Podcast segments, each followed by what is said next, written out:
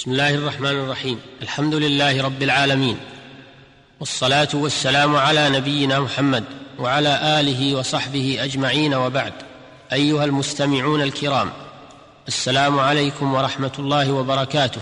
بعد أن تحدثنا في الحلقات السابقة عن أحكام البيع ننتقل بكم في هذه الحلقة وما بعدها إن شاء الله إلى الحديث عن نوع خاص من أنواع البيع.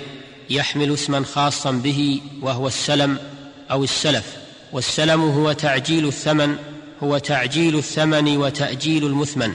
ويعرفه الفقهاء رحمهم الله بأنه عقد على موصوف في الذمة مؤجل بثمن مقبوض في مجلس العقد.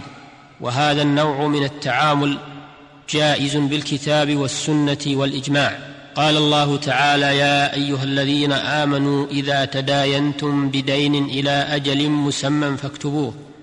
قال ابن عباس رضي الله عنهما أشهد أن السلف المضمون إلى أجل مسمى قد أحله الله في كتابه وأذن فيه ثم قرأ هذه الآية.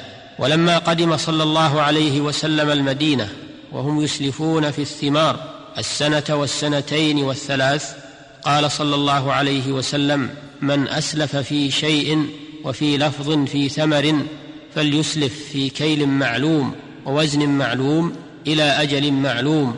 متفق عليه. فدل هذا الحديث على جواز السلم بهذه الشروط. وقد حكى ابن المنذر وغيره إجماع العلماء على جوازه وحاجة الناس داعية إليه لأن أحد المتعاقدين يرتفق بتعجيل الثمن والآخر يرتفق برخص المثمن ويشترط لصحة السلم شروط خاصة زائدة على شروط البيع. الشرط الأول انضباط صفات السلعة المسلم فيها لأن ما لا يمكن ضبط صفاته يختلف كثيرا فيفضي إلى المنازعة بين الطرفين. فلا يصح السلم فيما تختلف صفاته كالبقول والجلود والاواني المختلفة والجواهر ونحوها. الشرط الثاني ذكر جنس المسلم فيه ونوعه. فالجنس كالبر مثلا والنوع كالسلموني مثلا وهو نوع من البر. الشرط الثالث ذكر قدر المسلم فيه بكيل أو وزن أو ذرع. لقوله صلى الله عليه وسلم من أسلف في شيء فليسلف في كيل معلوم.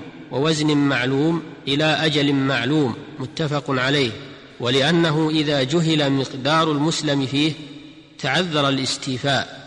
الشرط الرابع ذكر أجل معلوم للحديث لقوله صلى الله عليه وسلم إلى أجل معلوم ولقوله تعالى إذا تداينتم بدين إلى أجل مسمى فاكتبوه فدلت الآية الكريمة والحديث الشريف على اشتراط التأجيل في السلم وتحديد الأجل بحد يعلمه الطرفان.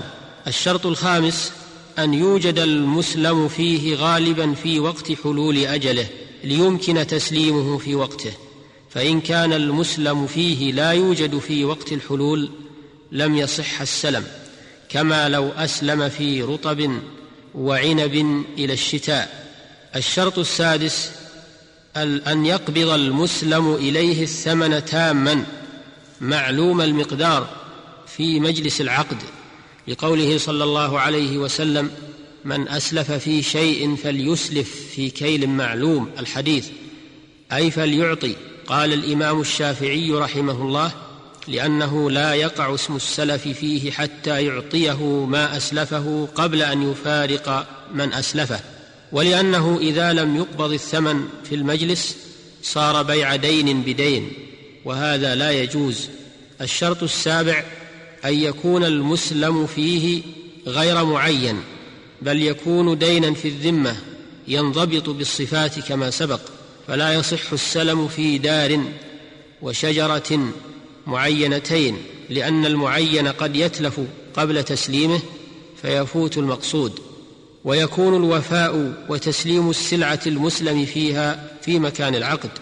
إن كان يصلح لذلك فإن كان لا يصلح مكان العقد للتسليم كما لو عقد في بر أو بحر فلا بد من ذكر مكان الوفاء أيضا. وحيث تراضيا على مكان التسليم جاز ذلك لأنه من حقهما.